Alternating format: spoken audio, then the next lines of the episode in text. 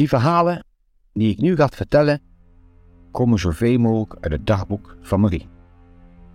Het zal misschien opvallend zijn dat je nu heel veel hoort alleen maar over eten en drinken en slapen. Maar je moet goed begrijpen, je bent weggegaan als evacuee. Je hebt niets anders bij je als een potten en pannen en wat kleren. En iedere morgen wacht je me af. Waar zullen we vanavond zijn? Krijgen we wat te eten? Kunnen we ergens slapen? Je weet totaal niets vanaf. Je moet maar gewoon afwachten. Maar goed, diezelfde avond werd al heel goed voor elkaar gemaakt. We kregen een witte kool met vlees. En daar eigenlijk dames voor de verzorging. Na een nachtje lekker warm geslapen te hebben, kregen we brood. Vier sneetjes met boter en kaas. En ook ieder zes sneetjes mee voor onderweg. 7 januari gingen we op weg naar het alom geprezen Raalte. Langs Velink kwamen we in Weersep, waar ze nu een halve liter koffie kregen. Die nacht had het wat gesneeuwd. Toen we Raalte aankwamen, leek het niet zo bijzonder, maar het eten was er prima. Met vlees, brood, met melk en de kinderen extra nee. S'morgens toen we weggingen, brood met havermelpap, zoveel als we lusten. S'nachts hebben we alleen in het noodziekenhuis geslapen. Je zult je afvragen, hoe kom je daar nou in terecht? Nou, het zat zo. Toen wij vertrokken, werd onze naam bekendgemaakt. En we werken en zo. En toen bleek het achteraf dat die man die als leider werd aangewezen, dat was de een van de ACU. Dus wij hadden de papier gezien, want ik had papier dat ik ziek was en mijn vader papier dat ik ziek was. Dus overal waar we aankwamen, lieten de papieren maar zien en we hadden altijd mazzel of we werden particulier ondergebracht of we kwamen in een ziekenhuis. Maar het ziekenhuis waar we nou lagen was helemaal leeg, dus was niemand aanwezig. Maar goed, je had een bed en je komt er rustig slapen. Maar goed, het nieuwe jaar 1945 is weer begonnen. Je hoorde steeds meer mensen praten die naar Friesland gegaan waren. Het was dus zo goed, het was volop eten te krijgen. En we hebben er ook eens over nagedacht en over gesproken. Maar ja, wat zal het nieuwe jaar ons brengen? Veel reizen en ervaring, maar wat wisten we toen nog niet. De was gerooid door de mannen. In Groenendaal raakten op. De koeien in Eerbeek stonden bijna rol, dus ook geen melk meer. Het brood was trouwens de rol. De lampjes voor onze doorwerkers slecht gaven het op. En ze werd dan besloten om 9 januari uit het kamp te vertrekken. Maar het zat er heel anders beschik. Het moest er vlug gebeuren. Zoals je weet had ik een wc-huisje gezien en die stond in het bos. Wij hadden ding uit elkaar gehaald, die plankjes, en met de paar oude fietsen die we hadden, een karretje gemaakt. Ment, als ze naar weg moesten, dan moest ik in ieder geval wat mee kunnen nemen. Je had onder de pot en je gekocht. Je had in ieder geval toch kleren bij die je ook moest aanhouden en die je moest vervoeren.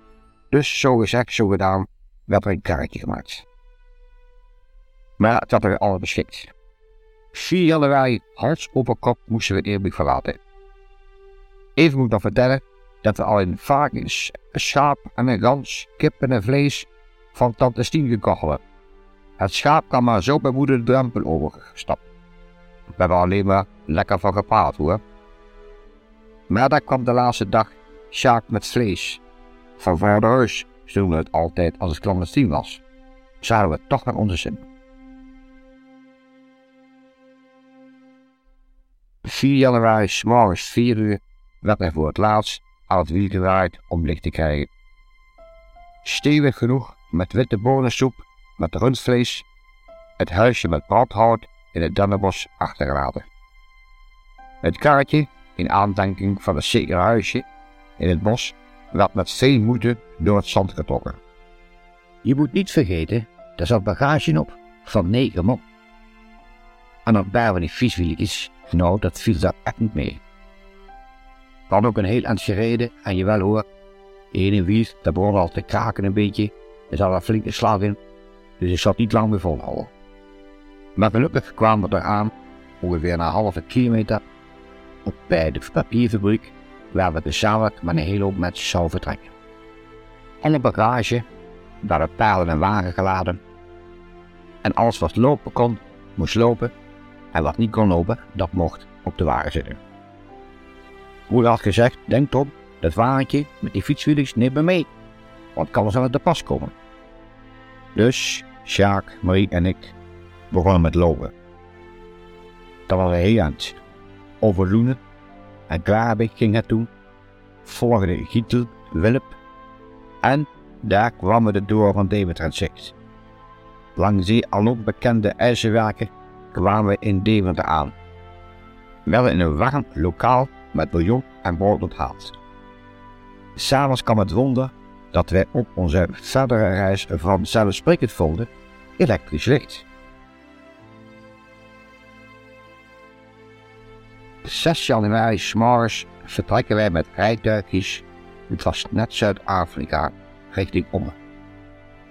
Al die rijtuigen achter elkaar, maar het ging fijn. Toen was het erg goed geregeld. We hebben toen allemaal gereden in overdekte wagens. Er was onderweg weer koffie voor ons te krijgen met melk, maar het was wel erg groot. Van ene paard is er nog gevallen.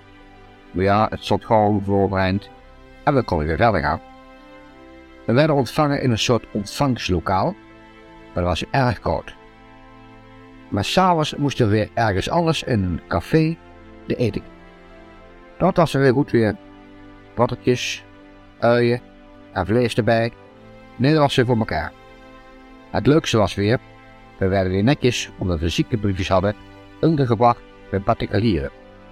Met de dekens over de arm, voorwerp onderdak, wat we gelukkig bij de familie J. Bos Habschoor 8 kregen.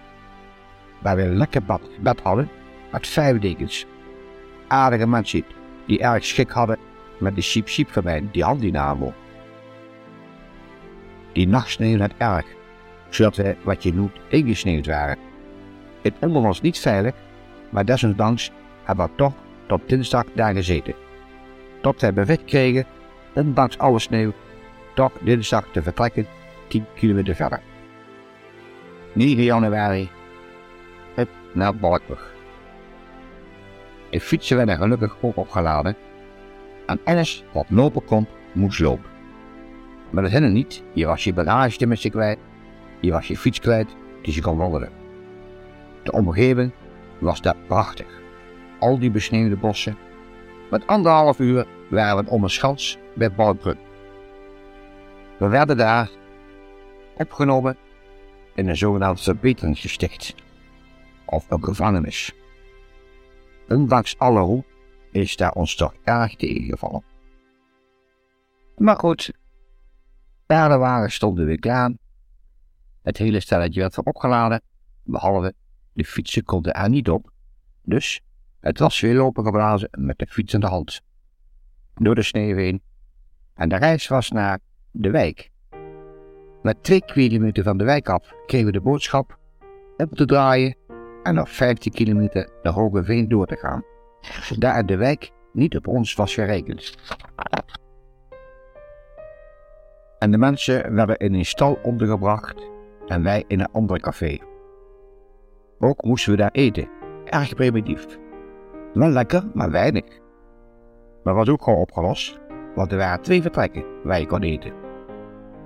Na twee dagen viel de dooi in en vertrokken wij naar Steenwijk. 11 januari. Eindelijk zouden we dan samen gaan rijden. Mijn eerste vrouwen en kinderen. Zo kwamen wij in een brik met z'n tienen. Ik en Jo bleven achter. Wij voor Meppen, het spergebied. Maar daar was iets heel bijzonders aan de hand. Jo en ik lopen de brug over. Aan de weerskanten zien we militairen staan die overal mannen en jongens oppikten en meenamen. Onbegrijpelijk dat ze ons niet hebben gezien. We lopen gewoon langs die militairen heen. Ze zagen ons niet eens. De brug over, zonder ook maar een haar gekrenkt te zijn. Dat is dan wel een wonder. Aan de overkant van de brug zijn we een klein winkeltje gegaan. Dat we iets willen kopen, ik weet niet meer wat. Maar ik weet wel, we kwamen naar buiten toe met een klein doosje Lucinas. We rijden met goede moed weer richting Steenwijk. Maar die anderen, die waren met de wagens vertrokken. Die hadden ze ondergebracht in een school. Daar kregen ze een half flesje melk. Maar dan hoorden ze ook dat diegenen die achtergebleven waren, moesten lopen. Marie en Sjaak, met medelijden vervuld, op de fiets ons tegemoet. Vijf kilometer terug. Daar zagen ze ons lopen, Jan en Jun.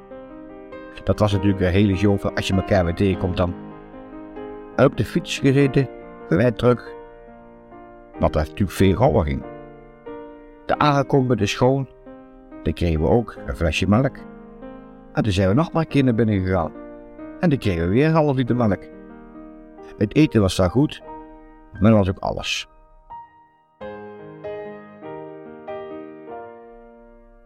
Eindelijk zou het dan komen. Wolvenga in Friesland, 12 januari. Bij de provinciegrens werd het Friese volkslied gezongen. Van hup, soep en gat erbij. Maar niemand die lopen voor ons leggen toen we binnenkwamen. Met dat kregen we een Wolvenga, het was zondag, koffie en erwtensoep met vlees. Bagage overladen en op een andere wagen naar Heerenveen. We waren met z'n drieën vooruit gefietst. Kwamen in de schooltrek. Weer erg koud. Kregen lauwe koffie met ieder 400 gram brood. Klontje boter met drie plakken kaas. Daar echt blij daar weg te gaan. Slechte verzorging. Ze gingen het verder naar Iersum. 13 januari. Eerst een dagje op appelwagentjes naar Akkerum waar wij pap kregen dat we bijna niet meer in de wagen konden. Vier kilometer verder kwamen we in Iertsum aan. Hier zijn we in het land van boter, melk en kaas. Vijf sneden brood, met boter niet uitgesmeerd, maar belegd. En dan een heerlijke 40 plus kaas. In plaats van de volgende dag verder te gaan, zoals we dachten, moesten we wachten tot er een andere transport uit Limburg en Leeuwarden weg waren. Maar zoals altijd kwam het weer goed en we vertrokken.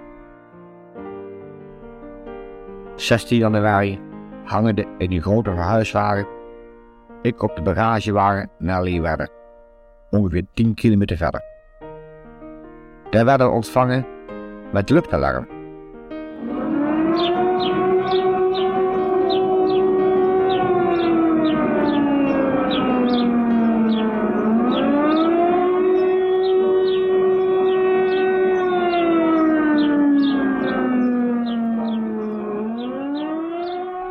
Dat hadden wij al lang niet meer gehoord.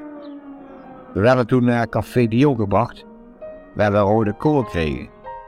Van daaruit werd alles overgeplaatst, ook de bagage, naar het beursgebouw. Toen volgde een medisch onderzoek. Bij goedkeuring daarvan kreeg je een briefje om in de harmonie te kunnen eten. Daar werden we keurig bediend. Zuurkool met een heerlijk balletje rak en zuur. Er volgde weer een nacht op met veel lawaai op te slapen en met wel een paar honderd mensen allemaal in de strooi. En iedere keer als er een groep weg was geweest, dan werd de strooi weer opgespit en dan konden we nieuw slapen. Maar ook daar kwam weer het einde aan. We werden een bepaalde strijdbos het huisje op een wagen gezet.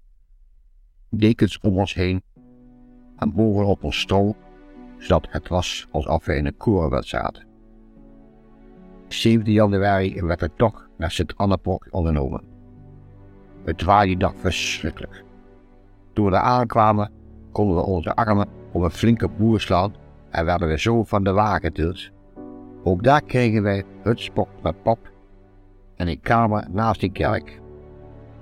Vandaar naar de Mulo-school waar we in de klas met 32 personen moesten slapen, wat weer heel best ging. En de volgende dag zouden we naar onze plaats van bestemming gaan. 19 januari gingen we gewapend met een briefje voor Hadewit, Kolenstraat 545, Oude op weg. Dat was helemaal voordat alles in orde was. De meeste mensen waren niet tevreden omdat één huisgezin bij verschillende mensen ondergebracht moest worden. De bagage was niet goed geregeld en zo kwam het dat ik alleen op een wagen kwam te zitten met één gedeelte van de familie Besselaar die verschrikkelijk zat te jammer. Nou, het was ook een reis om nooit te vergeten. Het stormde ontzettend. Het harelde en sneeuwstorm en koud. Het was zo wind dat de paarden achter bij huisjes uitgespannen moesten worden om een verhaal te komen. Hand hebben we nog vernomen dat op een van die wagens een kind gestorven is van kou en van ellende. Maar eindelijk werd de arm gestopt. Je moet je indenken, het is een hele lange weg met hier en daar een huisje en een kruispunt wat dan de piep heette en daar stopten ze dan. Ze werden van de wagen afgehaald en Marie, die op de wagen had gezeten, die riep: Ik moet bij Bakker de Wit zijn. Er antwoordde iemand: Morgen voor jou. Daar kwam de schrik van het dorp op Marie op. Een lange jongen van 15 jaar en met de dikkers onder het arm ging hij weer achterom en maakte kennis met de familie de Wit. Ben jullie? werd ik gevraagd. Nee, mijn man moet daar komen. Want wij moesten natuurlijk weer lopen. Ik geloof dat ze een beetje gek keek op het antwoord. Maar het was toch heus zo. De zoon, Bouwen, werd er weer op uitgestuurd om mij op te zoeken. Na twintig minuten kwam er wat en half wat aantuffen. Ewig was net een aangeklede eend. Twee jassen over elkaar aan en een das om zijn hoofd. Maar het ijs was schoongebroken. En we aten die middag stoppot, knolraap met spek en pap toe.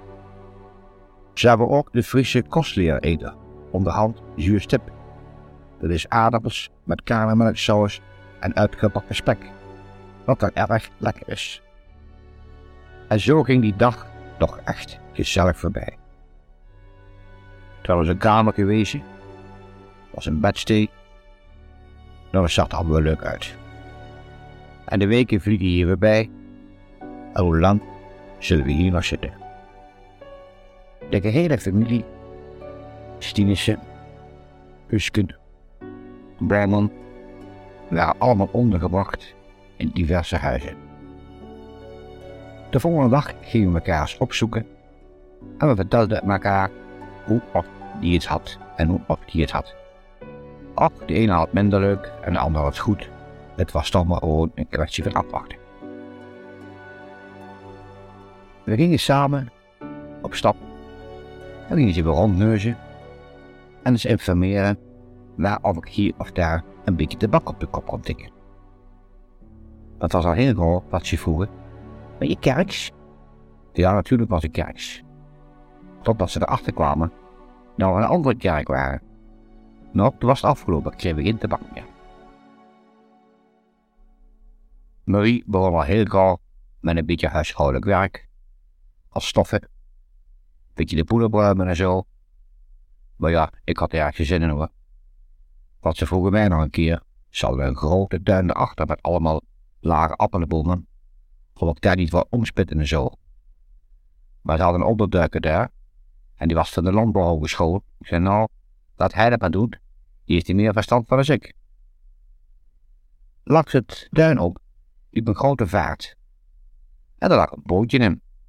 Twee drijvers, met een paar trappers in het midden en een groot wiel achterin. Die als je trapte, dan werkte dat als een radarboot en ze kon je leuk varen. Bouwen, de zoon van de wet, in het bootje. En ik er ook nog in. Het trappen, dat was werk hartstikke leuk. Op een gegeven moment, toen had hij een idee, zegt hij, vind je wat? Hij zette een grammofoon erop. Een cup, grammofoon dan. Een draaide een plaatje. We hadden muziek erbij. Nou, wat moet je nou mooier hebben. Maar ik kon aardig goed bij hem weg. Want het was de eentje die nou al veel goede check bij zich had. Voor die groot hele tabak. Ik begreep trouwens niet hoe hij daar aankwam. Maar na de hand kwam ik het op ontdekking. Want ik was een keer boven, in mijn slaapkamer. En daarachter was een zolder. En er stond de hele hoop zout. En toen zag ik dat hij daar keer wat zout pikte. Dat hij niks tegen mijn vader zeggen hoor. Dan krijg je morgen een beetje check mee. Dus uh, ik hier wel mijn mond. En de volgende dag had ik weer heerlijk goudgele tabak met echte vloedjes erbij. Wat normaal was het eigen deelt, met een stukje kratpapier, nou ja, als er maar ook achter. Marie is ook was mee geweest in het bootje. En dat trapte we zo samen, heel rustig het over. Hetzelfde geld hadden we kunnen verzuipen, maar nou ja, wie denkt er eigenlijk nog aan, hè? En zo kropen de dagen maar voorbij. We hebben veel gewandeld. Veel zitten lezen, omdat ik helemaal niet van lezen houd. Maar ja, je moet toch wat doen. En verder, de familieleden opzoeken, praatjes maken, eentje met mijn vader of met die of die gewandelen. Totdat er op zekere dag een paarden tegenkwamen op een eeuwige Pater Tabak heette die man. Leuke naam als je niks te roken hebt. En die had de heren over. Ja, we moeten toch zien dat we hier weer een kerkdienst krijgen, want er waren diverse katholieken bij. Hij geïnformeerd. En er was op de hoek een cafeetje. Och, er was toch geen bier of niks meer te krijgen. En had voor elkaar geboekt dat zondags hij daar een mis mag opnemen. Wij de hele dorp rondgelopen om zoveel mogelijk katholieke mensen bij elkaar te krijgen, om daar op een zondag een dienst te kunnen maken. Nou, en wat mij gevraagd of ik dan voor dirigent kon zorgen. Nou, waarom moet ik hier aan een dirigent komen? Nou ja, weet je wat, zegt hij. Je kunt ook piano spelen, misschien kun je het zelf hebben. En zo gezegd, zo gedaan. En bij dames was Truus onderhand ook bij. En nog enkele mensen werd er een koortje opgericht. En dan zongen we zondagsmorgens heel rustig. Allemaal wel Nederlandse liedjes. Maar dat klonk toch werkelijk heel leuk. En ze kon het toch een dienst houden. En we hadden toch weer een dagje dat je met mensen onder elkaar was en andere dingen weer kon bespreken als normaal. Weken gaan weer voorbij.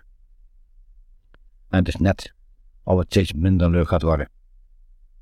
Te alle tijden steek je je voeten onder andermans tafel. Het werd langzaam wat een beetje of ik niet gegund werd. Kijk eens, ze kregen kostgeld van ons. Ze kregen de bonnen, want dat geld werd al betaald door de verenigingen daar. Ja, achteraf heb ik al wat terug moeten betalen, maar goed. Dus ze kregen toch er geld voor. Maar je had heel vaak spanningen. Dat je, dat je iets niet kon krijgen wat je graag hebben wou. Zo s'avonds bijvoorbeeld. Dan was het, uh, nou, had een hele grote doos met tabak op de kast staan. Zullen we een sigaretje roken? Nou, graag hoor. Hij pakte de doos. Het ach, laat ook kijk maar niet doen, wat hebben we eraan? En hing die doos maar weg. Kijk, dat zijn we die kleine steken onder het water, hè? En dat kun je werkelijk voelen. Zodat ik het nooit vergeten, was daar een overvloed aan melk en eieren. Want dus allemaal genoeg te krijgen daar, dat was helemaal geen probleem. Maar als we samen brood hadden, en dan kreeg er een pikketje melk bij, een klein beetje maar trouwens. En de vorige keer, ik zeg, mag ik dan een klein beetje melk hebben? Er werd niets gezegd. Ze stond op ik moest met hem meelopen, met de beker in de hand, ging naar de pomp, pompte de water in en gaf me terug. Ik heb niets gezegd, want ik heb zo'n idee dat hem nog meer gereden hebben als ik. Maar kijk, dan ga je langzamerhand voelen dat je toch te veel bent daar, hè?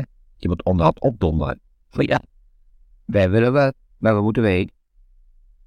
Hij was een hele dikke kerel, echt een bakker. Een blaaskop, alles kan ik niet noemen. Echt een dictator ook. Hij wist alles beter. En dan kon hij vervelend in die stoel hangen. Met zijn vinger in de zak. En in één keer, hé. Hey, Hans de zak had er een gouden tientje in zitten. Oh, ik wist niet dat het gouden tientje erin zat. Nou ja, wat heb je eigenlijk aan zulke mensen, hè? Als je zelf helemaal niks hebt om dan een gouden tientje te laten zien, nou, wees er maar gelukkig mee.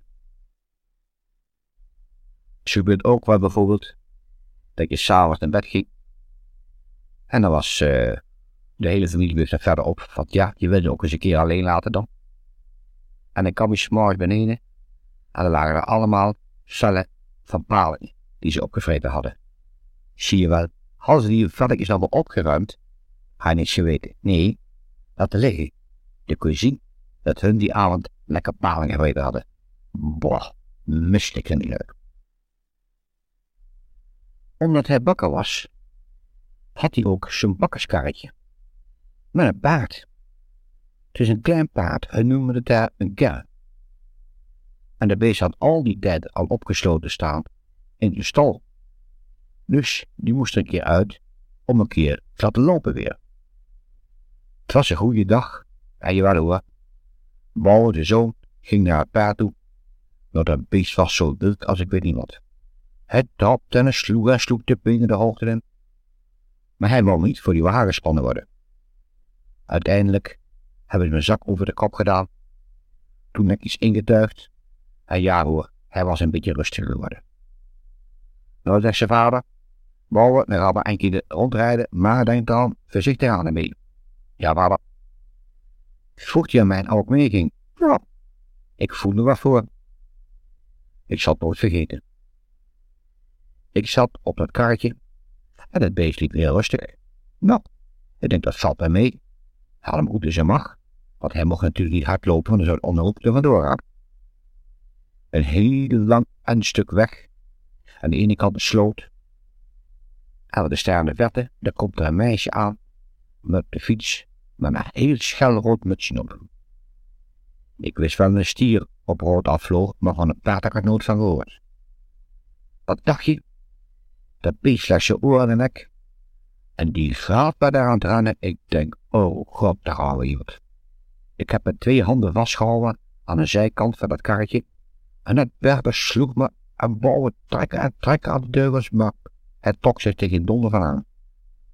Tot overmaat verand komt er aan de overkant nog zo'n wagentje aan. En ik keek al links of rechts en denk, ja, ik moet daar maar niet sloot springen, want onderhoop ik het fout. Dat zat top niet. Het ging hartstikke goed. Ze liepen net zo mooi langs elkaar op. En toen moest je uiteindelijk tegen een steile bult op. En toen werd hij verkwalm. Ik was toch wel blij dat ik van die kern af was. Ik denk, dat doen we nooit meer. Afijn, we kwamen weer thuis. Het paard werd uitgespannen. En toen zegt de boer, die bakker dan. Weet je wat, Bouwer? Breng me naar de wei, dan kan hij daar een postje rondlopen. Dan komt hij goed los. Ga mee, zei hij. Nee, ik ga maar alleen. Hij had notabene op de fiets, paard aan de deuren zo vast, naar de wei toe. Wat dacht je? Had de straatklinker nog niet onder zich gevoeld, toch weg was de beest. Hij ging direct naar de wei toe. Hondse voor kop hij erachteraan, maar hij trok zich niks van, hij rende me door, tot hij eigenlijk netjes voor zijn eigen wei stil bleef staan. Precies zo, dat hebben we er weer gehad. Op zekere dag, tijdens mijn wandeling, zag ik dat er ergens bij een boerderij waar ze graan aan dorsen. Grote machines en al die boeren uit de omtrek die gingen daar naartoe om hun graan te dorsen. Ik ging eens kijken en ze vroegen ook wel helpen. Nou, ja, dat wil ik natuurlijk wel doen. Nou, ik mag helpen met zakken brengen en, en al die dergelijke dingen meer aan aangeven en op de weegschaal zetten en zo. Alleen je kreeg hier geen geld voor, dat vond ik niet zo belangrijk. Je kon de gabel krijgen. Dus je kunt we nagaan, dat was dan niet zo gek. Ik een zak genomen en iedere keer, als ik geholpen had, ging er een kwak van dat graan in. Denk, als we straks weer thuis zijn, want hier had het niet nodig, was hij eten zat, had hij zich niet. Dan had ik iemand thuis nog weer wat te bikken als ze weer aankwamen. Dus zo had ik toch weer een karaweekje te doen, wat ik iets opbracht ook. We waren daar behoorlijk vrij. Grazia's en zo, dat kende je niet. De moffen zag je maar heel weinig. Ze nu en dan kwam daar een rijtuigje aan, koetsiertje er bovenop, deurtje open, en dan stapte er een mop uit met een geweer op de schouder. Ging dan even op de piep staan, zo noemen ze dat kruispunt, op de hoek. Keek even links en rechts, stapte in zijn wagentje weer en ging weer terug. Dus dat viel wel erg mee. Er was wel een NSB in het dorp, die Jan Poep. Maar ja, van die vent houdt er ook geen last.